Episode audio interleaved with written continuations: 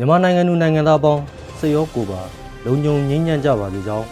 PVTV ဖွဲ့သားများကဆုတောင်းမေတ္တာပို့သလိုက်ရပါတယ်။အခုချိန်ကစပြီးတိုင်းရင်းသားညီနောင်အင်အားစုတွေပြည်သူ့ကာကွယ်ရေးတပ်မတော် PDF တပ်သားတွေနဲ့ပြည်သူလူထုတို့ရဲ့အရှိန်ဟုန်မြင့်လာတဲ့တိုက်ပွဲသတင်းတွေစူးစီးတင်ဆက်ပေးတော့မှာဖြစ်ပါတယ်။ကျွန်တော်အောင်နွေဦးပါ။ပထမဦးစွာပလောတွင်စစ်တပ်စစ်ကြောင်းကို PDF KNDO နှင့် KPDF တပ်ဖွဲ့များကပူးပေါင်းတိုက်ခိုက်မှုစစ်သား20ကျော်တေဆုံးခဲ့တဲ့သတင်းကိုတင်ဆက်သွားမှာဖြစ်ပါတယ်။တနင်္လာရီတိုင်းပလောမြို့နယ်တွင်စစ်ကောင်စီရင်နှန်းကို PDF KNDO နှင့် KPDF တပ်ဖွဲ့များကပူးပေါင်းတိုက်ခိုက်ရာစစ်သား20ကျော်တေဆုံးခဲ့ကြောင်းမဟာမိတ်ပူးပေါင်းတပ်ဖွဲ့များကသတင်းထုတ်ပြန်ပါတယ်။အောက်တိုဘာ3ရက်မွန်းလယ်2နာရီခန့်အချိန်မိဖက်မှ ပလောသို့ဥတီတက်လာသောစစ်ကားနှစ်စီးနှင့်လန်ကင်းယူပေးနေသောစစ်ကားတို့ကို KNDO PDF ပူးပေါင်းတပ်ဖွဲ့များကပူးပေါင်းတိုက်ခတ်ခြင်းဖြစ်ကြောင်းထိုပစ်ခတ်မှုတွင်စစ်ကားနှစ်စီးပျက်စီး၍စစ်သားများ20ကျော်တေဆုံးခြင်းဖြစ်ကြောင်းမဟာမိတ်ပူးပေါင်းတပ်ဖွဲ့တွင် KNDO KPDF PDF ပလောပကဖနှင့်မဟာမိတ်ပူးပေါင်းတပ်ဖွဲ့တို့အတူတကွပစ်ခတ်တိုက်ခတ်ခဲ့ခြင်းဖြစ်ကြောင်းသိရပါသည်။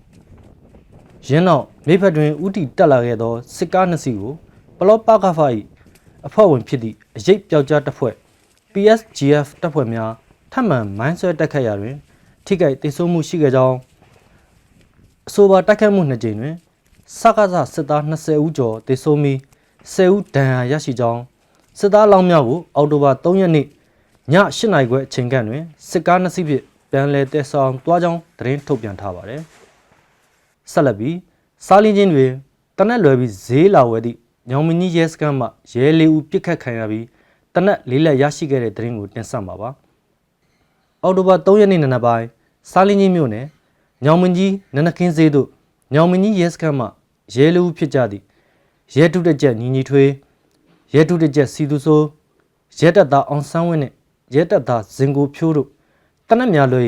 ဈေးဝယ်ထွက်လာကြကြောင်းရဲလေးဦးကို ကားတစ်စီးဖြင့်လာရောက်ပစ်ခတ်ပြီး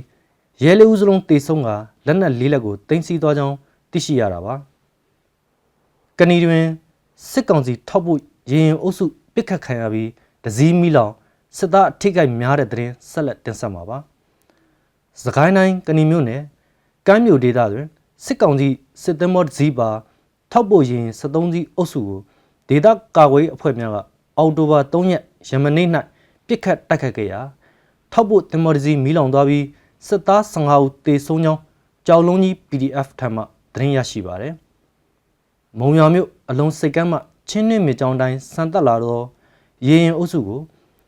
ဒေသကာကွယ်ရေးတပ်ဖွဲ့များကယမနေ့မွန်လာ3နိုင်အချိန်၌ပြစ်ခတ်တိုက်ခတ်ခဲ့တာပါ။နောက်ဆုံးအနေနဲ့ကြာရင်စိတ်ကြီးမှာဒရုန်းနဲ့ဘုံကျဲလို့စစ်ကောင်စီဖွဲ့များထိခိုက်ဒေဆုံးတဲ့တရင်ကိုဖော်ပြပါမယ်။ ကရင်ပြည်နယ်ကြာရင်စိတ်ကြီးမြို့နယ်တကေးကျွရနီစက်တင်ဘာ29ရက်နေ့စစ်ကြောင်းထိုးလာသောကျမ်းဘတ်စစ်ကောင်စီကို KNL တရင်16နဲ့ငကနီစစ်ကြောင်းပူးပေါင်းတပ်ဖွဲ့များနဲ့အတူ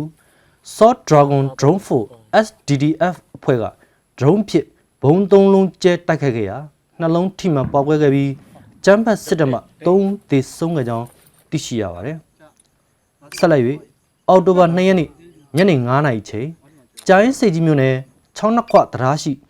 စစ်ကောင်စီရဲစခန်းကိုဘုံနှလုံးချ၍ထပ်မံတိုက်ခိုက်ခဲ့ရာစစ်ကောင်စီတပ်သား2ဦးသေဆုံးပြီးရဲတပ်ချက်တဦးနှင့်တပ်သား3ပြင်းထန်ဒဏ်ရာများရရှိခဲ့ကြောင်းစစ်စေးနှလုံးကိုအောင်မြင်စွာဆောင်ရွက်ခဲ့ပြီးနောက်ရဲဘော်အားလုံးအထိကအမရှိစုခွာနိုင်ငံကြောင်း Sword Dragon Drone 4 SDDF မှတောင်ရှိသူတူကပြောပါတယ်။